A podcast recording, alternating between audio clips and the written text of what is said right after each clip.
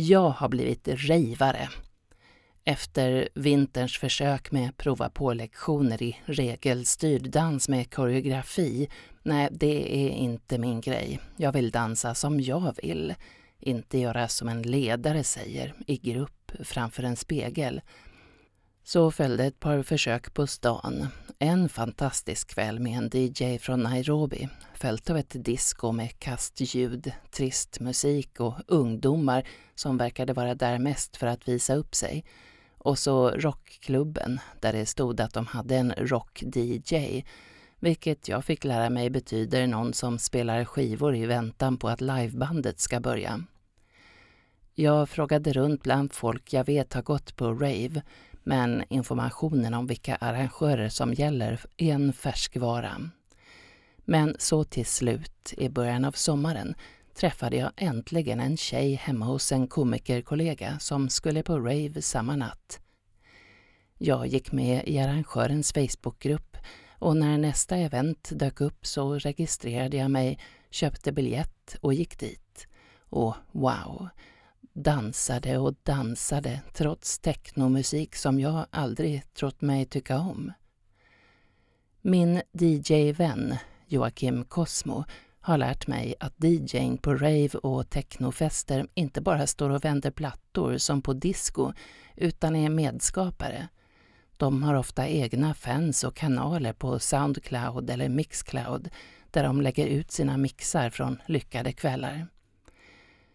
Ibland improviserar han, ibland har han värsta genomarbetade sättet där han tränar på mixarna i flera veckor för att det ska sitta perfekt. Jag dansade till en av hans mixar när jag var ensam hemma.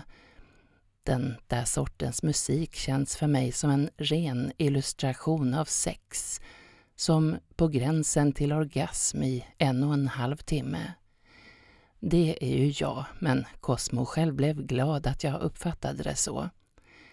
Det är edging som pågår, som att man håller någon slags demonhund i kedjor mot publiken, eller mer som ett långdraget, bra runk. När han i sin ungdom lyssnade på vissa låtar fantiserade han om diskon där ute som spelade de där speciella låtarna som var lite drömmiga och hintade om en fin men samtidigt blek framtid. Och sedan upptäckte han att det var på riktigt, att det faktiskt fanns en hemlig dansscen, globalt, som funnits länge. Och att det var minoriteter som hållit liv i det, kanske för att de behöver eskapismen mest repetitiv musik som ger en lätt hypnos som liksom kryper upp på en och inte släpper taget förrän man lämnar festen.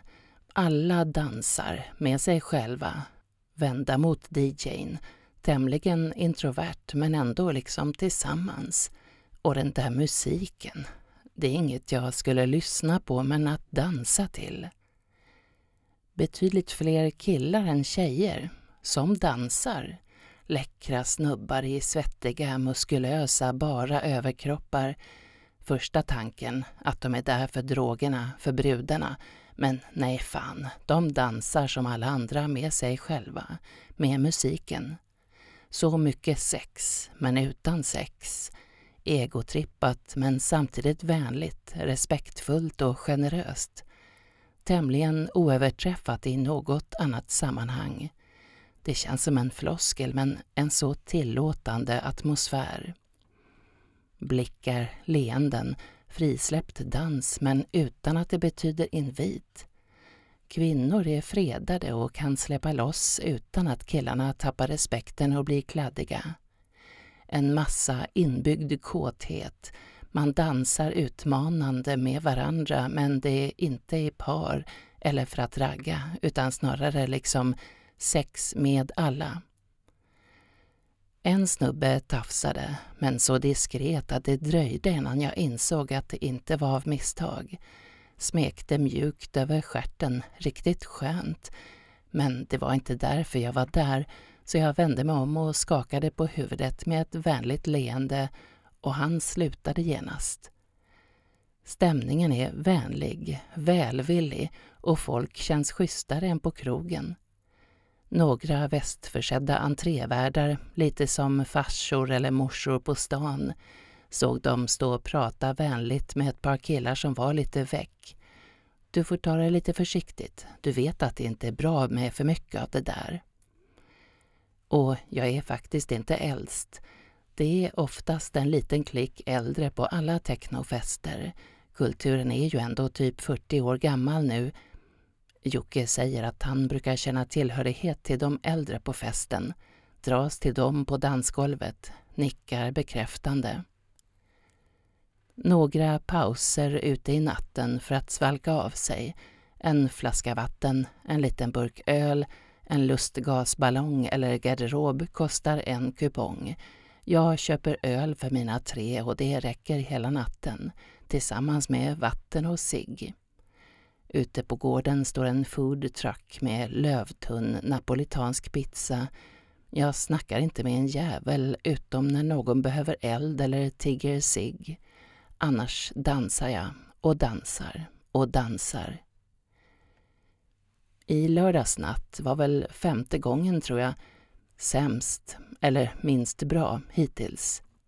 Samma mindre lokal som det första jag var på i somras och nattens första två DJs spelade sån techno som jag förut trodde all techno var.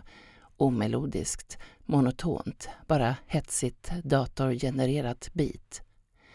Jag blir förstås orolig att jag redan börjat bli mätt på denna min senaste passion. Kanske att jag börjat lära mig, vänja mig och se mer av vad som pågår. Jag retade mig mer på den evinnerliga lustgasen och på vissa människor. Men jag hade på mig nyinköpta danssneakers inhandlade i en dansbutik där jag bad om skor att dansa på betong under sju timmar i. Med delad sula och snurrplatta under framfoten. Inte för att jag snurrar särskilt mycket Även när det finns plats är det liksom inte sån musik som uppmuntrar till steg, utan jag, man, står still, eller nej, långt ifrån still, men med fötterna nästan på samma plats. Dock skönt med dojor som inte känns som limmade mot golvet, som mina vanliga gympaskor. Den tredje DJn var bra, säkert även den fjärde, men innan han började gav jag upp och cyklade hem runt femsnåret. Konstaterar att en sån där natt i motionshänseende rimligen borde motsvara ett maratonlopp. För övrigt kan jag berätta att Operan valt att gå vidare med andra kandidater.